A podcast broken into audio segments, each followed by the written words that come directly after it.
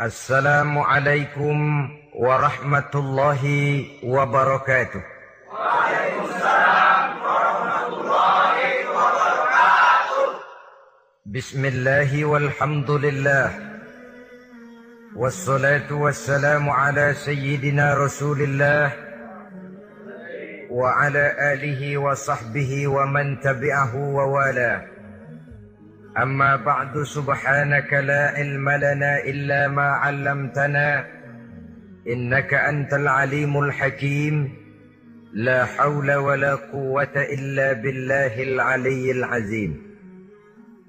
Saudara-saudara kaum muslimin rahimakumullah Sebagai agama sempurna Islam memberikan bimbingan kepada manusia sejak ia berpribadi, berumah tangga, bertetangga, bermasyarakat, sampai kepada berbangsa dan bernegara.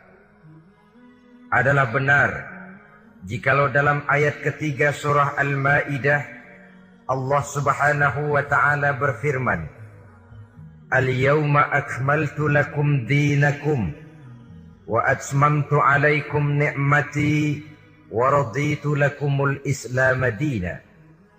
Pada hari ini telah aku sempurnakan bagimu agamamu.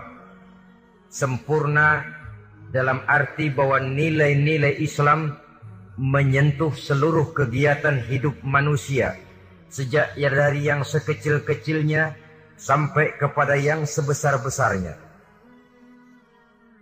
Wa atmamtu alaikum ni'mati Aku cukupkan nikmatku kepadamu. Waraditu lakumul Islam madina dan aku, aku ridhoi Islam sebagai agama bagimu. Pada pertemuan kali ini kita akan membicarakan cuplikan kecil dari bagaimana hak-hak hidup bertetangga menurut ajaran Islam.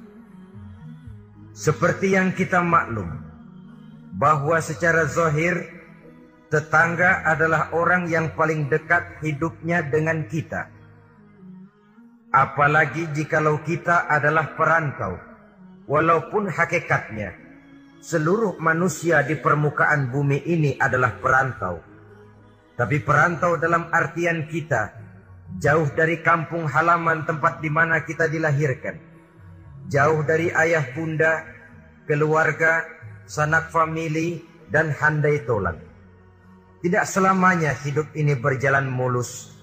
Kadang kita berhadapan dengan hal-hal yang tidak menyenangkan. Kadang kita bertemu dengan hal-hal yang tidak kita harapkan. Tentu bukan orang dari kampung yang datang menolong kita lebih dahulu.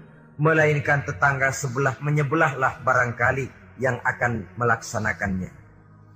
Banyak orang merasa senang tinggal dalam satu lingkungan oleh karena ia mempunyai tetangga-tetangga yang sesuka hidup sosial, bermasyarakat, hormat menghormati, dan lain sebagainya.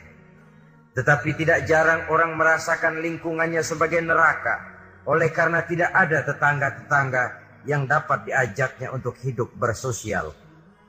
Demikian besar perhatian Islam terhadap hak-hak bertetangga ini, sehingga melalui hadis dari Abi Suraij Al-Khuzai Rasulullah sallallahu alaihi wasallam bersabda, "Man kana yu'minu billahi wal yaumil akhir falyuhsin ila jarihi." Rawahul Bukhari wa Muslim. Beliau bersabda, barang siapa yang beriman kepada Allah dan hari akhir, hendaklah ia berbuat baik kepada tetangganya. Iman kepada Allah dan hari akhir dijadikan taruhan untuk memberikan stres agar kita bisa berbuat baik kepada tetangga. Dengan kata lain, hanyalah orang yang beriman kepada Allah dan hari akhir saja yang akan bisa berbuat baik kepada tetangganya. Kalau demikian masalahnya, bagaimana cara berbuat baik kepada tetangga? Dengan kata lain, apa hak-hak dalam kehidupan bertetangga itu? Melalui hadis yang diriwayatkan oleh Amru ibnu Shu'aib Rasulullah pernah bertanya kepada para sahabat di satu hari, "Atadruna ma haqqul jar?" Saudara-saudara, tahukah kamu apa hak tetangga itu? Beliau sendiri kemudian menjawab, "Pertama, izasta'ana bika a'antahu." Apabila ia minta tolong kepadamu, hendaklah kamu memberikan pertolongan kepadanya. Ini merupakan hak di dalam kita bertetangga. Apabila orang datang minta tolong kepadamu dan kamu memang berada dalam satu posisi yang sanggup memberikan pertolongan, janganlah berat tangan untuk menolongnya. Sebab biasanya di dalam kehidupan bermasyarakat, jika kita tidak sanggup menghormati orang lain, jangan berharap orang lain akan mau menghormati kita. Jika kita berat tangan untuk memberikan pertolongan kepada orang lain, satu saat bila kita mendapat kesulitan pun, jangan terlalu berharap bahwa orang lain akan mau juga menolong kita. Bagaimana sikap kita, begitulah biasanya sikap orang lain kepada kita. Saudara-saudara kaum muslimin, rahimakumullah. Adat hidup adalah tolong menolong. Kewajiban kita adalah menolong tetangga, tetapi sebagai tetangga pun apabila kita minta tolong kepada orang lain, hendaknya dalam batas-batas ukuran yang memang orang lain itu mampu menolongnya. Sesuatu yang kita memang berada di luar kesanggupan kita mengerjakannya. Jangan lalu menjadikan orang yang menolong kita sebagai satu andalan. Sebab biasanya sekali ditolong langganan. Setiap datang kesulitan, ke situ lagi kita lari. Manusia pada waktu-waktu tertentu punya juga titik jenuh. Ya kalau duitnya lagi ada, pikirannya lagi enteng, napasnya lagi lega. Mungkin dia mau menolong orang. Sekali, dua kali masih juga ditolong. Tiga kali, barangkali juga mungkin. Empat kali ke atas, mukanya udah rada butek.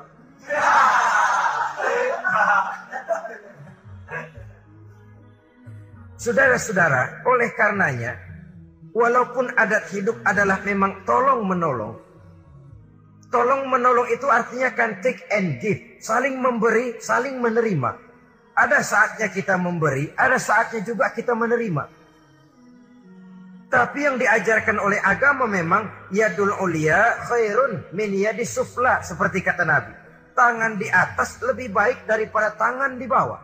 Artinya yang menolong posisinya lebih baik daripada orang yang meminta pertolongan. Tapi biasanya kita umumnya lebih demen minta tolong daripada nolongin. Bahkan sesuatu yang kita mampu pun kalau masih ada yang mau, mau nolongin masih kita andelin tuh orang. Ya lo aja dah, lo aja. Padahal kita bisa. Akhirnya terdidik kita untuk manja, kehilangan kepercayaan kepada kemampuan diri sendiri. Saudara-saudara, jadi walaupun adat hidup adalah tolong menolong, tetapi jangan lalu mengandalkan sehingga kita tidak mau mengeluarkan kemampuan yang maksimal untuk melakukan usaha terhadap sesuatu yang memang kita masih mampu untuk mengusahakannya. Ini yang pertama. Yang kedua kata Nabi, wa izastan soroka nasortahu. Apabila ia meminta bantuan kepadamu, maka bantulah. Ada perbedaan antara ista'ana dengan istansoro. Ista'ana biasanya pertolongan dalam bentuk moral. Istansoro pertolongan bantuan dalam bentuk material. Menolong dengan membantu. Membantu kelihatannya lebih real, lebih nyata. Menolong bisa secara moral. Keduanya diajarkan oleh agama. Orang yang datang minta tolong kepadamu, tolong dia Orang yang datang meminta bantuan kepadamu dan kamu ada kemampuan untuk itu, bantu dia. Allah akan selalu menolong seorang hamba selama hamba itu masih mau menolong saudaranya. Allah selalu akan membantu seorang hamba selama hamba itu masih mau membantu saudaranya. Sehingga dengan demikian, orang yang kita tolong, mungkin dia tidak bisa memberikan balasan kepada kita. Orang yang kita bantu, barangkali juga tidak bisa memberikan balasan kepada kita. Allah yang akan memberikan balasan melalui jalan lain yang tidak pernah kita sangka-sangka barang sedikit pun. Termasuk jenis yang min haisu la yahtasib. Termasuk jenis yang tidak kita perkirakan sebelumnya dari mana datangnya. Bahwa pertolongan kita kepada orang lain akan meluaskan jalan usaha kita. Bantuan kita kepada orang lain akan melancarkan rezeki kita sendiri. Tidak ada orang jatuh miskin karena rajin membantu orang lain. Tidak ada orang jatuh bangkrut karena murah tangan rajin sedekah. Wah dulunya dia kaya banget pak, cuman kerajinan sedekah bangkrut sekarang. Belum pernah ada terjadi itu. Bukan bakhil yang menyebabkan orang jadi kaya, bukan sikap pemurah yang menyebabkan orang jatuh miskin.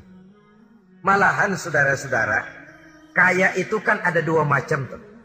Ada kaya majazi, ada kaya hakiki. Yang dinamakan kaya majazi, orang yang banyak hartanya tapi miskin hatinya. Sebenarnya hidupnya cukup, tapi dia masih selalu merasa kurang. Maka dia tidak pernah cukup. Duitnya banyak, tapi perasaannya selalu miskin. Maka dia miskin terus.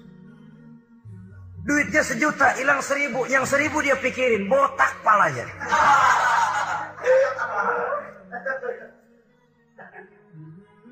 Harta dia cukup, hati dia miskin. Itu yang disebut kaya majazi. Cuma kaya dalam arti kulit luarnya saja. Bahkan kadang-kadang dia sendiri tidak bisa menikmati kekayaannya. Jangankan orang lain, dirinya sendiri tidak bisa menikmati kekayaannya. Konon lagi akan memberikan bantuan kepada orang lain. Duitnya banyak, nah saban sari makan sama pala gesek mulu.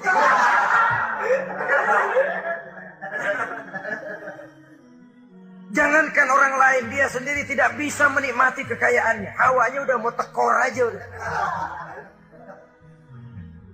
Saudara-saudara, nah yang dinamakan kaya hakiki, orang yang kaya hatinya. Ini sumber kekayaan. Kalau dalam suasana keadaan hidup yang sekarang ini, kita sudah merasa kaya. Alhamdulillah, inilah yang diberikan Allah kepada kita. Miskin saya? Enggak, di bawah saya masih banyak orang yang lebih miskin lagi. Susah saya? Tidak, di bawah saya masih banyak orang yang lebih susah dari saya. Tidak punya duit saya, oh orang lain yang lebih tidak punya duit lagi dari saya. Masih lebih banyak. Orang yang kaya hakiki. Dari sini kekayaan berangkat. Dari sini kekayaan dimulai. Oleh karena itu, biarin duit kita banyak asal hati kita kaya. Nggak apa-apa. Daripada Daripada duit nggak punya, hati melarat, tak susah ke mana-mana. Kesono sumpok kemari sempit. Saudara-saudara, jadi oleh karenanya, bantuan kita kepada orang lain akan melancarkan rezeki kita. Pertolongan kita kepada orang lain akan memudahkan usaha kita. Yakinlah itu. Karena Allah tentu tidak buta. Allah tentu maha adil. Allah tentu maha bijaksana. Tidak ada ruginya orang yang menolong orang lain. Walaupun, walaupun kadang-kadang kan air susu dibalas air toba, air tuba. Kadang-kadang ada istilah, gua nolongin anjing kejepit. Susah ditolongin begitu senang nginjak. Kadang-kadang tahu begitu. Itu itu perasaan manusiawi kita sebenarnya. Perasaan manusiawi kita. Tapi sesungguhnya walaupun kebaikan kita dibalasnya dengan kejahatan, Allah kan tidak buta. Allah kan adil. Akan datang kebaikan-kebaikan dari arah lain meliputi kehidupan kita. Karena itu jangan pernah menyesal untuk berbuat baik. Jangan pernah menyesal untuk berbuat baik. Saudara-saudara kaum muslimin rahimakumullah. Jadi yang kedua apabila dia meminta bantuan kepadamu, bantu. Andai kata belum bisa, ya dengan kata-kata. Kata-kata itu juga sudah meringankan kesulitan orang. Kadang-kadang sudah membantu enggak, ngomong enggak enak lagi. Ini namanya orang udah jatuh kita tibanin ember. Orang sudah datang minta bantuan kesulitan. Sudah gitu udah enggak kita kasih. Ngomong kita pahit bener. Potongan lu mau minjem duit apa ada harapan ganti. Umpamanya saudara-saudara. Taruh kata tidak bisa kita membantu secara real, bantulah dengan kata-kata. Syukur kalau dengan doa. Saat ini barangkali saya belum bisa bantu, mudah-mudahan dari tetangga lain barangkali bisa bantu karena saya sendiri dalam posisi yang sedang agak sulit umpamanya. Bantulah dengan kata-kata, dengan doa, setidaknya dengan harapan. Sehingga orang pulang walaupun tidak mendapatkan apa yang tidak dia ingin, apa yang dia inginkan tidak didapatkan, tapi setidaknya hatinya tidak tidak terlalu sakit. Dua. Yang ketiga, wa ini stakrodoka tahu. Apabila dia meminjam kepadamu, pinjami dia. Apabila dia meminjam sesuatu kepadamu, pinjami dia meminjam. Istilah hidup kan ada memang kita tutup lubang gali lubang. Gak selamanya orang selalu ada. Makin kaya ya makin besar urusannya. Makin banyak duitnya ya makin banyak pengeluarannya. Bisa jadi loh orang yang punya duit 10 ribu lebih tenang daripada yang punya duit 100 ribu. Kenapa? Dia punya duit 100 ribu lah urusannya 200 ribu. Tapi dia punya duit 10 ribu lah jajannya cuma bakso anteng. Bisa jadi orang yang punya duit 10 ribu lebih tenang daripada yang 100 ribu itu tadi. Kenapa? Yang 100 ribu besar uangnya, besar lagi urusan. Yang 10 ribu kecil memang jumlahnya, tapi kecil juga barangkali urusannya. Itu barangkali juga satu pola daripada keadilan Allah. Oleh karenanya saudara-saudara, hidup itu tutup lubang gali lubang. Gak selamanya kita ada. Gak selamanya juga kita nggak ada. Pada saat kita nggak ada, ya kepada tetangga. Pada saat kita ada, tetangga kesulitan. Boya kita datang memberikan pertolongan. Meminjam. Cuma kalau kita jadi tetangga pun, harus jelas. Minjem ya minjem, minta ya minta. Ini jangan minta ya minta, minjem ya minta. Nggak jelas batasnya. Nggak jelas batasnya saruh jadinya. Sebab istilah minjem ini ini kan utang. Utang itu adalah kewajiban kita untuk membayarnya. Jadi harus jelas minta ya minta minjam ya minjam jangan kalimat itu disamarkan. Karena udah keseringan minta mulu pakai istilah minjem dah. Minjem dulu ah duit Mau minta malu keseringan minjem dikata. Padahal minta juga maksudnya. Samar jadinya. Dia dia juga. Apabila dia meminjam sesuatu kepadamu, pinjami dia. Saudara-saudara, ya tentu tidak hanya dalam bentuk uang, dalam bentuk hal-hal yang memang wajar dalam bertetangga pinjam meminjam. Teriskaan umpamanya tuh. Lalu pisau, apa gunting, apa-apa. Tapi tentu terbatas kepada jangan yang milik-milik pribadi pinjam meminjam istri umpamanya. Itu, itu tentu malah malah malon terlaknat dalam agama itu tidak ada. Umpamanya ini gue lagi halangannya gue pakai dulu aku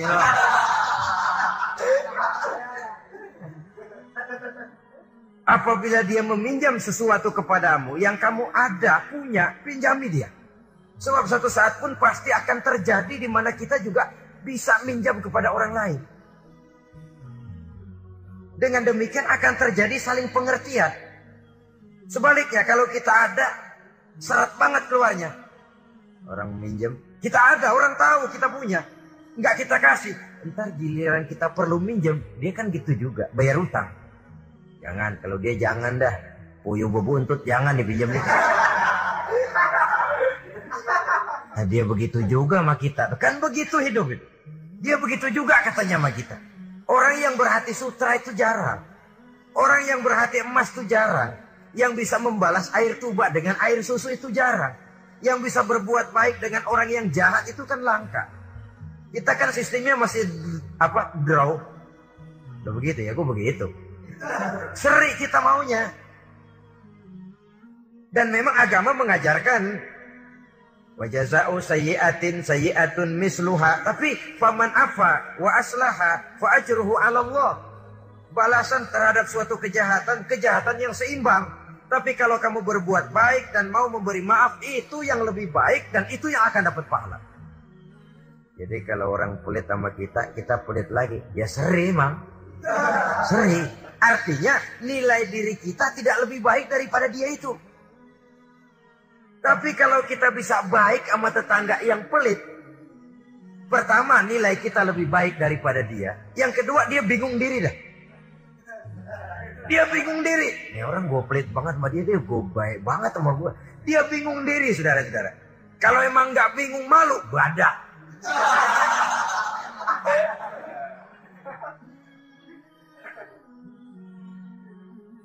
Berbuat baik kepada orang yang tidak baik kepada kita bersilaturahmi dengan orang yang marah sama kita. Wah itu ajaran terpuji sekali. Memberi orang yang mencegah kita. Bersilaturahmi dengan orang yang memutuskan hubungan dengan kita. Kita sih tahu dia marah banget sama kita, cuman kita pura-pura nggak tahu aja. Kita anggap dia nggak marah sama kita. Ketemu tetap, assalamualaikum mau ke mana? Perkara dia mau nyaut apa enggak itu bukan soal. Tapi kita sudah menunjukkan nilai bahwa kita lebih baik dari dia. Aku nanya kok sama kau, aku lebih baik dari kau. Tapi itu jangan lalu timbul. Jangan lalu timbul perasaan tuh kan, gua kan, tuh ya. Jangan. Dengan berbuat itu kita hanya ingin membuktikan bahwa kita tidak sama kok dengan dia. Dia boleh marah sama saya, tapi saya nggak bisa marah sama dia. Dia boleh pelit sama saya, tapi saya nggak bisa kok pelit sama dia seperti dia pelit kepada saya. Dia boleh memutuskan silaturahmi dengan saya, tapi saya nggak bisa kok begitu. Dengan begitu kita sudah menunjukkan satu, satu posisi bahwa kita lebih baik daripada dia. Tapi kan langka yang begitu umumnya yang enak kan draw tos-tosan. Saudara-saudara kaum muslimin, jadi izas takrodoka akrotahu. Apabila ia meminjam sesuatu kepadamu dan kamu ada kemampuan, ada yang akan kamu pinjami, pinjamkan dia. Apalagi kalau kita merasa bahwa yang meminjam ini dalam satu posisi yang memang dia rasanya sulit untuk mengganti. Lebih baik sudah diniatkan sedekah saja diikhlaskan. Sudahlah bu, nggak usah pinjam, saya bantu saja. Daripada nanti jadi beban lagi, sudah saya ikhlaskan, saya bantu. Itu yang lebih lebih istimewa. Tapi saya katakan tadi, kalau tidak ada kesadaran bahwa rezeki adalah amanah Allah, bahwa harta adalah titipan Allah, apa sih yang kita punya? Seperti kita lahir ke dunia, begitulah kita akan masuk ke liang kubur. Cuma kelebihannya kain putih saja. Selebihnya tidak ada lagi. Sebagaimana kita lahir ke alam dunia ini, begitulah kita akan meninggalkan alam dunia ini. Jadi yang kita jaga kukuh-kukuh, yang kita bentengi, yang kita bakhil karenanya, sedikit pun tidak akan pernah kita bawa. Kecuali kalau dia saya katakan tadi, kita infakkan di jalan yang diridhoi Allah, termasuk menolong orang. Ada juga lagi nih, minjemin tapi nyakitin. Rentenir namanya. Pakai perjanjian. Minjem 10 pulang 15. Itu sama juga nyekek leher. Karena itu rentenir sangat dicelak dalam ajaran agama. Mencari orang-orang susah, menolong. Tapi di belakang menolong menjerat. Sehingga utangnya itu lalu beranak beranak beranak. Giliran nggak mampu aja tanah orang digetek mungkin nggak mampu rumahnya ditarik. Habis dah. Saudara-saudara kaum muslimin akhirnya yang melarat semakin bertambah kemelaratannya itu yang keempat maksud saya yang ketiga yang keempat saudara-saudara Wa iniftaqara utta alaihi. Apabila dia miskin, maksud miskin di sini kesusahan. Utta alaihi, tengokin. Tengokin orang yang kesusahan. Saudara-saudara, ini bahkan yang dicontohkan lebih diutamakan oleh Nabi. Kalau orang susah yang sakit, lebih diutamakan untuk ditengokin. Kenapa? Udah jelas langka yang nengokin. Langka yang nolongin. Mau berobat susah. Ke dokter juga sulit. Tapi kalau orang kaya sakit. Dokter dia bisa telepon. Apotek dia bisa telepon. Gak ada duit dia bisa bayar pakai kredit card. Orang miskin sakit. Boro-boro manggil dokter. Kadang-kadang. Mantri juga nggak mampu dia panggil. Sehingga dengan demikian apabila ia mendapat kesulitan, tengokin. Jangan berat langkah untuk menengoki orang yang memang mendapat kesulitan itu. Sebab kalau tidak, maka nanti pada suatu saat bila kita yang mendapat kesulitan, orang akan berat juga kakinya untuk nengoki kita. Kita biasanya kalau orang orang kayaan aja dikit dapat kesulitan, dok kayak besan yang nengokin dah. Yang mau setor muka, yang mau jilat macam-macam.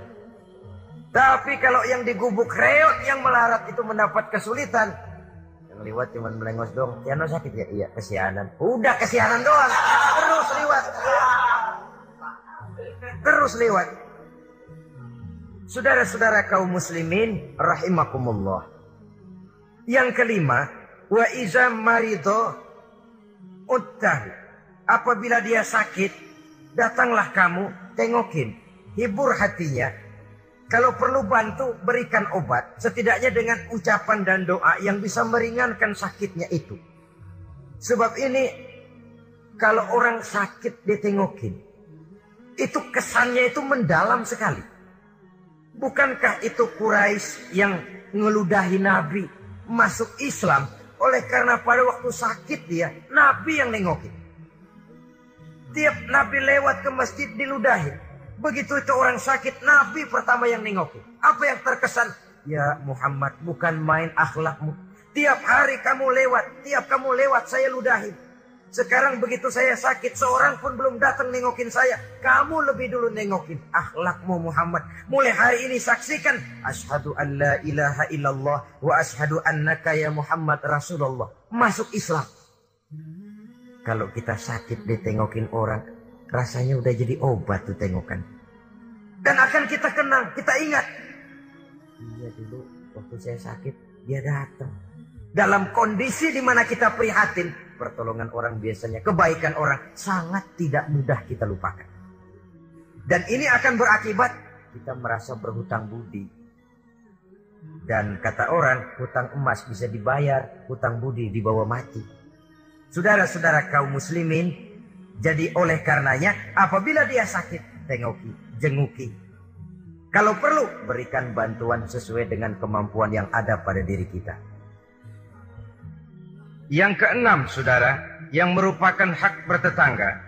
Wa iza mata tabi'ta janazatahu. Apabila ia meninggal dunia, iringi jenazahnya sampai ke liang kuburnya. Dan ini sudah kita bicarakan pada pertemuan tentang hak-hak muslim beberapa waktu yang lalu. Yang ketujuh, hak bertetangga. Wa in asobahu khairun hanna'tahu apabila ia mendapat kebaikan, hendaknya engkau ikut bersuka cita. Senang kalau tetangga lagi senang.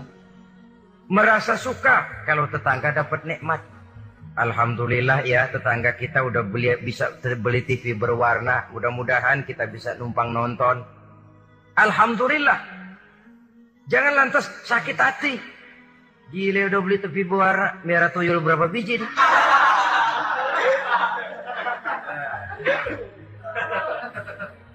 Sebab umumnya kan begitu. Kalau kita ada, orang selidikin dukunnya. Kalau kita kebelangsak, orang surakin.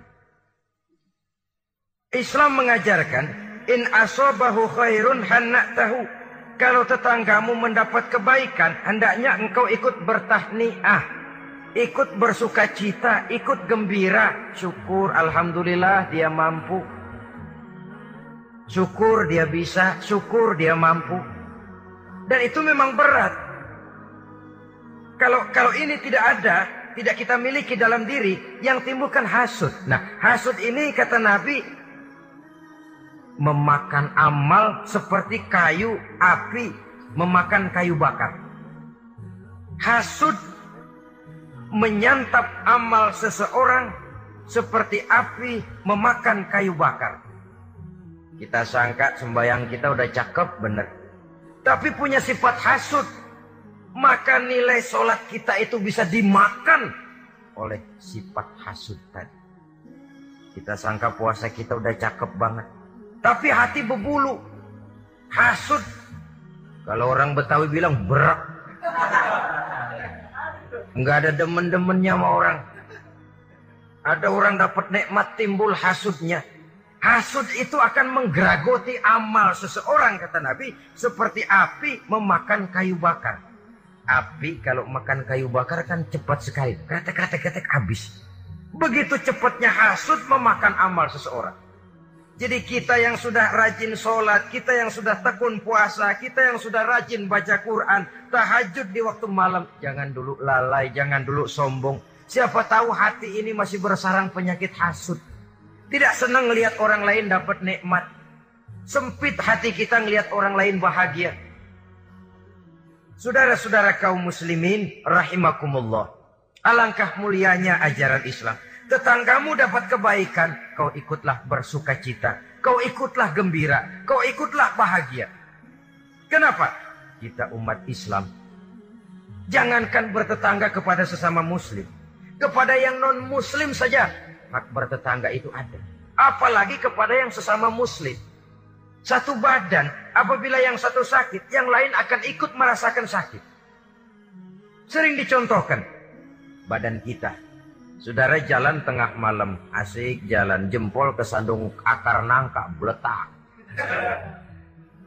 Kontan begitu ibu jari tersandung, darah keluar, mulut bilang aduh, pala ikut pusing, mata nangis, Nggak usah pakai nunggu undangan. Nggak ada ibu jari tersandung mulut bilang sama mata nangis lu mata sakit nih.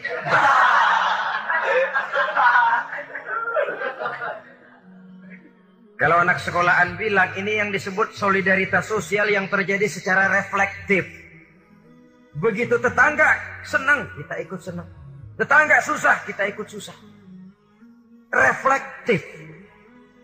Sehingga dengan demikian kita ini bagaikan satu badan. Apabila yang satu sakit, yang lain ikut merasakan sakit. Lebih dari sekedar darah, ras, kita diikat dengan akidah. Dari akidah yang sama, lahirlah rasa kesamaan, kesetia kawanan sosial istilah sekarang ini. Sehingga kesenjangan bahwa yang kaya makin kaya, yang miskin makin bangkrut, tidak akan makin memuncak. Ya memang bahwa penduduk dunia selalu ada yang miskin, ada yang kaya. Itu nature, sunnatullah. Emang dari sononya udah begitu. Kalau semua orang kaya, ya tidak ada yang miskin. Semua orang miskin, ya tidak ada orang kaya. Logikanya, seseorang dinamakan kaya karena ada yang miskin. Orang disebut miskin karena ada yang kaya. Kenapa dia bilang kita, kita bilang dia miskin? Kita ukur dari yang kaya. Kenapa dia bilang kita bilang dia orang kaya? Kita ukur dari yang miskin. Jadi mestinya orang kaya itu terima kasih kepada orang miskin. Sebab kalau tidak ada orang miskin, orang kaya tidak ada. Saudara hadirin yang saya hormati, jadi dengan demikian etik dalam kehidupan bertetangga menurut ajaran Islam, apabila tetanggamu mendapat nikmat, kau ikut bersyukur. Kan langka yang begini nih. Yang ada yang enak banget emang kita katain. Kita katain, atau paling tidak kata-kata yang enggak enak. Lihatin aja jam ke mana. Lihatin gitu. Segitu enggak senengnya lihat orang lain dapat nikmat. Yang kedelapan, lawanannya wa in asobathu musibatun azzaitahu. Apabila ia mendapat kesulitan azzaitahu, kamu hendaknya ikut bertakziah, ikut berduka cita dia mendapat kesulitan, kita ikut berduka cita. Kesulitan yang paling ringan sekalipun. Radionya hilang, televisinya hilang, istrinya umpamanya hilang. Umpamanya.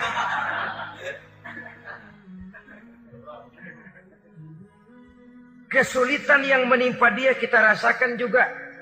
Sebagaimana kalau kesulitan itu datang menimpa kita. Kan ukurannya begitu.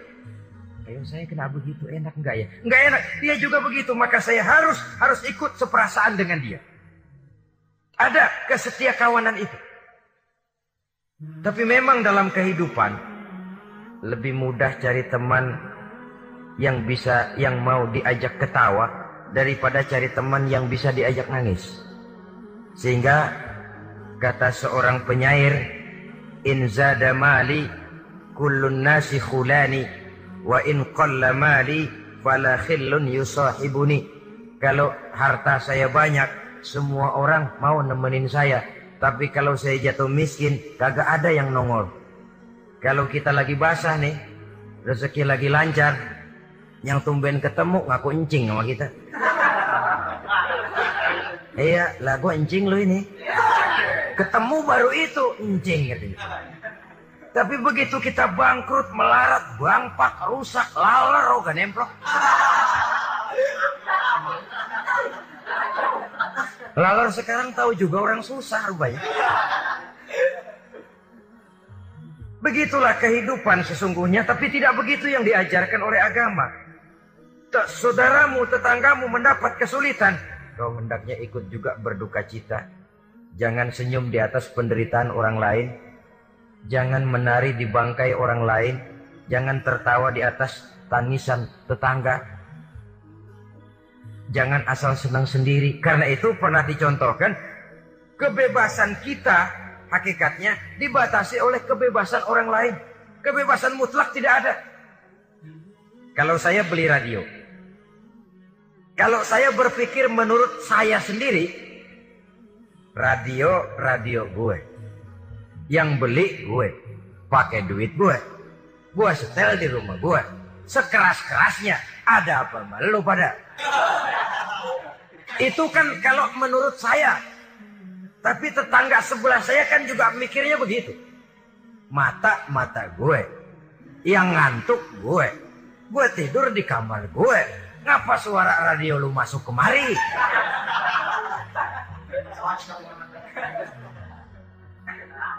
Jadi pada saat itu kalau demikian kebebasan saya nyetel radio dibatasi oleh kebebasan tetangga saya yang mau tidur. Ini yang disebut hurriyatul mar'i mahdudatun bi hurriyati ghairihi.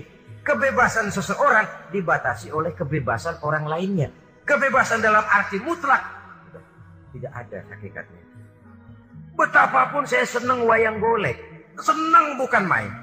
Tapi kalau sudah jam 3 Tangga saya sebelah mau tidur dengan aman tanpa perlu harus diganggu. Kalau begitu, cukuplah saya dengar saja karena saya senang. Tetangga saya belum tentu senang juga dengan dengan wayang golek. Jangan cuma memperturutkan kesenangan. Oh, pokoknya emang saya hobi banget wayang golek. Masa bodoh jam 3 kayak setel habis dah. Masih ayah nama gening udah.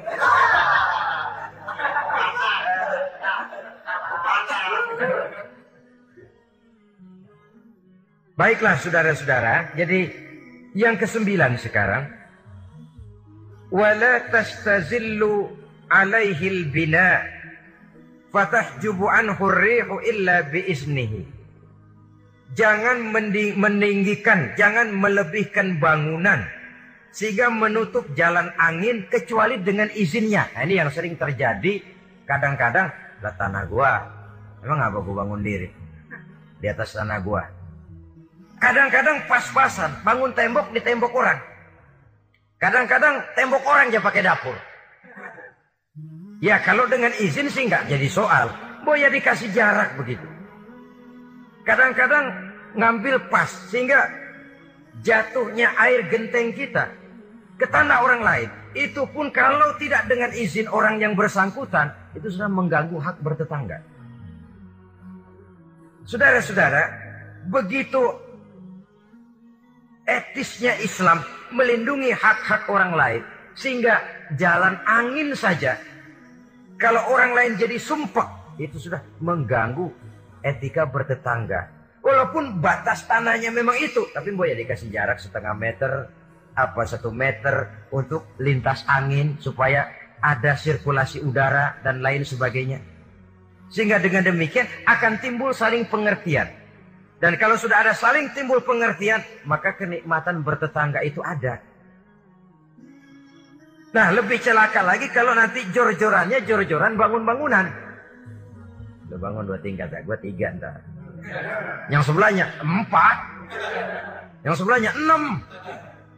Kalau sudah begitu, apalagi motifnya untuk menunjukkan bahwa saya lebih hebat dari tetangga sebelah, kita akan terjebak kepada al-hakumut takatsur hatta zurtumul makabir. Lalai oleh karena berlomba memperbanyak itu-itu saja. Kebanggaan materi. Kebanggaan terhadap sesuatu yang kalau kita kembali menghadap Allah tidak akan pernah kita bawa. Itu yang kita agulkan. Kebun saya, mobil saya, tanah saya, pabrik saya. Tidakkah juga dia bertanya kalau saya mati, apa yang akan saya bawa? Pabrik itu, kebun itu, peternakan itu akan ikutkah bersama saya ke liang lahat? Kebanggaan material karena itu sering melahirkan status sosial dikejar-kejar orang, tapi kebanggaan moral yaitu bekal yang cukup di saat kembali kita menghadap Allah memang tidak kelihatan jadi dia tidak bisa jadi status simbol yang melahirkan kebanggaan. Yang ke sepuluh, wala tu'zihi jangan menyakiti tetangga. Baik dengan ucapan ataupun juga dengan perbuatan. Ucapan ataupun perbuatan. Wa iza staraita fakihatan fa'ahdilahu. Apabila kamu membeli buah-buahan, bagi tuh tetangga. Bagi tetangga. Wa illam taf'al, kalau memang tidak bisa membagi, belinya juga pas-pasan, boro-boro bagi ngatur anak sendiri juga bingung. Renato anak enam bagaimana ini? Umpama, umpamanya, umpamanya. Boro-boro bagi untuk jatah anak sendiri kita bingung. Wa illam taf'al, kalau memang kamu tidak bisa bagi, fa'adkhil hasiron. Jangan demonstratif. Bawa ngumpet-ngumpet jalan belakang kek. Jangan diteng-teng tuh duren di hidung tetangga. Duren oi, duren. Fadkhil hasiran. Bawa masuk ngumpet-ngumpet. Wala yakhruju biha waladuka liyaghizu biha waladahu. Nah ini anak. Kita bawa ngumpet masuk. Tapi anak kita juga dipesan. Kan di rumah aja dah. Gak enak sama tetangga. Jangan malah anak kita kita ajukin disuruh. Lu bawa makan di depan anaknya. Nah. biar biar biar, biar dia celam-celam gitu. Karena itu tentu akan menyakiti perasaannya. Apalagi kalau dia lihat, ya tetangga kita sih mungkin nggak minta, nggak minta, tapi etisnya kan begitu, etisnya. Itu kayak hidup sendirian sih, bawa rambutan sekarung, sebelah kayak kebagian dikit enggak, apa dimakan semua sekarung. Orang berpikir begitu. Dia mungkin nggak, jangan akan minta, berharap pun enggak. Tapi etisnya bertetangga itu kalau kau membeli buah-buahan, bagi tetanggamu, hadiahkan tetanggamu. Andai kata tidak bisa dilakukan itu, jangan demonstratif. Saudara-saudara, bukankah ini pada hakikatnya menjaga perasaan? Karena bertetangga itu peka sekali. Apalagi bagi kita yang tinggal di perkampungan dengan perumahan yang rapat atau di komplek-komplek di mana persaingan kelihatannya dalam satu level itu begitu menyolok kadang-kadang. Status suaminya pegawainya sama golongannya sama tapi sebelah punya kulkas sebelah enggak murung sebelah TV-nya berwarna sebelah hitam putih meriang. Sebelah beli motor sebelah enggak bengek. Sering terjadi hal semacam itu menimbulkan psikosomatik. Itu sering diceritakan dibakar oleh perasaannya sendiri.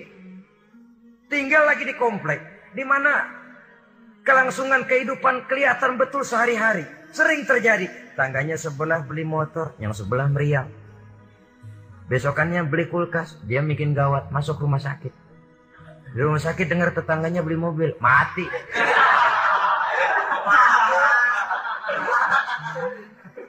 Disiksa oleh perasaannya sendiri. Sehingga persaingan itu lalu nanti tidak sehat. Kalau dia nggak bisa, orang dia hasudin. Kalau hasud masih nggak mempan, orang lain dia bakar supaya hasud juga. Nah ini nih celakanya. Sudah dia nggak senang sama seseorang, orang lain dibakar juga untuk tidak senang kepada orang itu. Ini yang marahan pakai ngebon. Marahan pakai ngundang. Marahan yuk masih ano. Orang lah sudah sudahlah dia sendiri nggak seneng, orang lain diajak juga dipengaruhi lagi supaya nggak seneng sama orang itu nih dajalnya betulin. Mestinya bahkan etisnya, kalau kita nggak senang kepada orang, cukup kita. Orang lain malah, oh dia baik kok, baik. Tapi kok kamu ya, saya cuma kebetulan. Dia baik kok, silahkan aja. Mestinya malah begitu. Ini yang terbalik tidak. Kita kalau sudah nggak senang sama orang, ngerambat. Jangan deketin dia. Ajak lagi sana, gosok lagi, gosok, gosok, gosok. Habis orang digosokin, supaya nggak senang juga sama kita. Lah yang digosok kayak batu cincin lagi mau aja. Batu cincin apa tikus budek tuh nggak ngerti nggak ngerti apa-apa nggak ngerti urusan junturungan hayo aja saudara-saudara kaum muslimin begitu perhatian Islam di dalam menjaga perasaan bertetangga sampai dalam hal-hal yang kayak begini jangan melukai perasaan orang ini kan kelihatannya sepele. Soal kita beli lah. Yang beli buah saya, pakai duit saya. Iya, itu perasaan kita. Orang lain tetangga juga belum tentu minta kok. Belum tentu juga kepengen. Tapi dari segi etisnya bertetangga. Bahwa kita menghormati dia.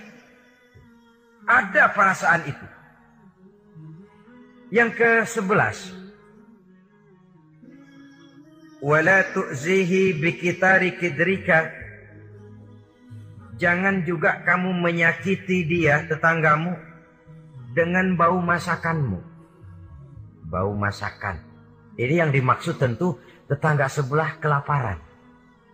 Kita udah nggak membantuin ngirimin makanan, baunya doang kita kirimin.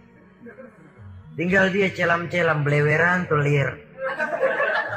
Saudara-saudara, ini juga termasuk demonstratif. Nabi mengajarkan Iza tobahta marokotan fa'aksir ma'aha wa ta'ahad jironaka. Apabila kamu bikin sayur, banyakin kuahnya, bagiin tetanggamu. Tapi jangan ditafsirkan mentah ini hadis. Begitu nyayur, kuah mulu.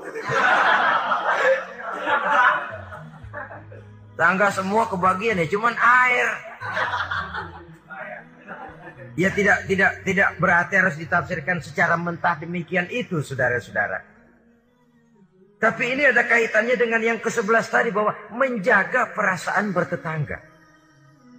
Kemudian pertanyaan ini ditutup oleh Nabi summa qala atadruna ma? Sudah tahukah kamu apa hak tetangga itu? Wallazi nafsi biyadihi. La yablughu la yuballighu haqqal jar illa man rahimahullah demi yang jiwaku berada di tangannya. Demi Allah. Orang sulit untuk memberikan hak tetangga, untuk menyampaikan hak tetangga kalau bukan dengan rahmat Allah. Sebab hanya rahmat Allah itu yang datang di hati kita. Kita bisa menolong orang lain. Kita bisa membantu orang lain. Kalau tidak ada rahmat Allah di hati sini, sulit loh. Berat nolong orang itu. Kalau tidak ada rahmat Allah di sini, Orang lain dapat kesenangan, kita ikut gembira itu sulit. Kalau tidak ada rahmat Allah di sini, orang lain dapat musibah, kita merasa juga dapat musibah, sulit. Hanya orang yang di hatinya ada rahmat Allah yang punya perasaan seperti itu. Itu Nabi sumpah, wallazi nafsi biyadih, demi Allah yang jiwaku berada di tangannya. Yang bisa menyampaikan hak tetangga hanyalah orang yang memang dapat rahmat dari Allah Subhanahu wa taala. Dia minta tolong, kita tolong. Dia minta? Minta bantuan, kita bantu. Dia minjam, kita berikan pinjaman. Dia miskin, kita tengoki. Dia sakit, kita jenguk. Dia meninggal, kita iringi jenazahnya. Dia dapat kebaikan, kita ikut gembira. Dia dapat kesulitan, kita ikut bersedih. Kita yang mendapat nikmat, sedikit kita bagi dia. Kita berikan kenikmatan. Kalau bukan rahmat Allah, rasanya sulitlah untuk berbuat seperti itu. Hanya dengan rahmat Allah. Dan oleh karena dengan rahmat Allah, maka rahmat itu tidak diberikan kepada setiap orang.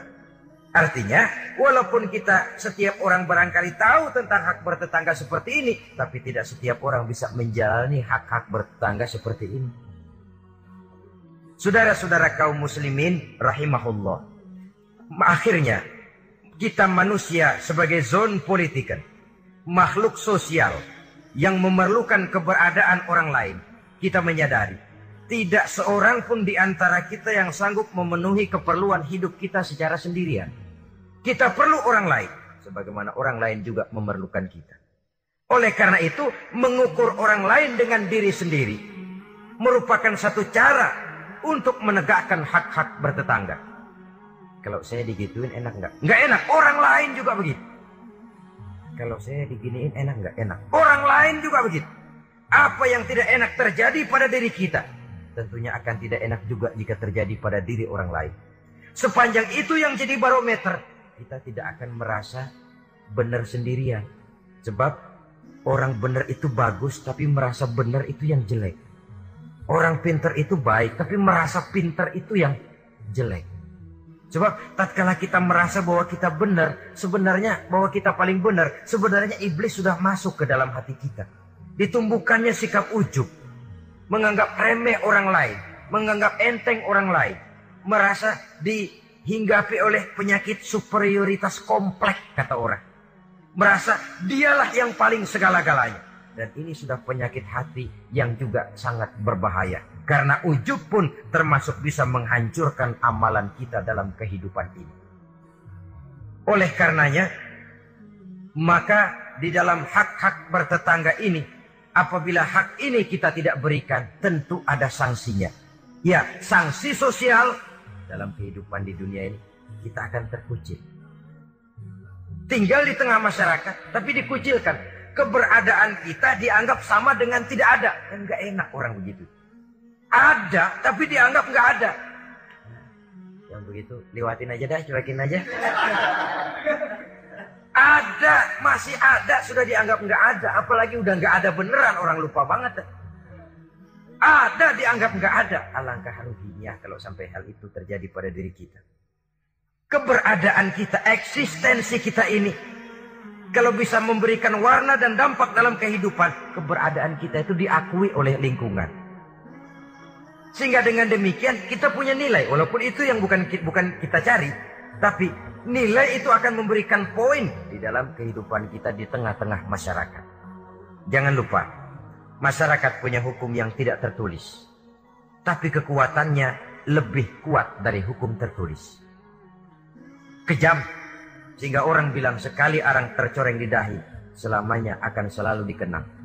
Karena itu, pandai-pandailah kita hidup bermasyarakat, pandai-pandailah kita hidup bertetangga, karena memang Allah Subhanahu wa taala menjelaskan, "Ya ayuhan nas, inna khalaqnakum min zakari wa unsa, wa ja'alnakum syu'uba wa qabaila lita'arafu, inna akramakum indallahi atqakum."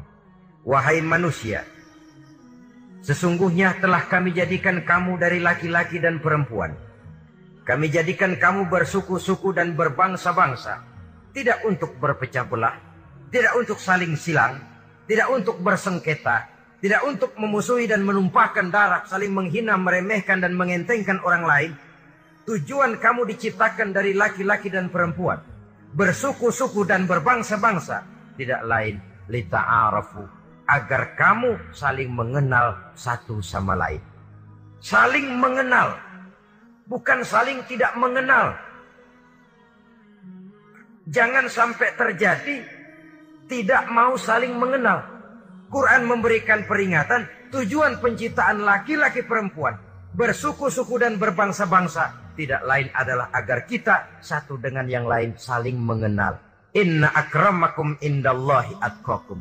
Yang paling mulia bukan yang rumahnya paling bagus. Yang paling mulia bukan yang kendaraannya paling hebat. Yang paling mulia bukan yang hartanya paling banyak. Inna akramakum indallahi atqakum. Yang paling mulia di antara kamu dalam pandangan Allah adalah orang yang paling bertakwa kepadanya. Ke arah itu kita berjalan. Dan ke arah itu kita membina kehidupan bertetangga. Menjadi tetangga yang bertakwa kepada Allah subhanahu wa ta'ala.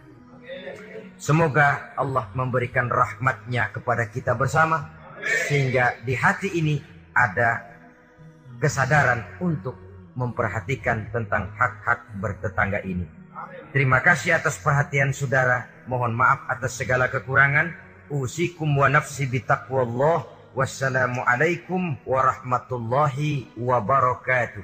Waalaikumsalam warahmatullahi wabarakatuh.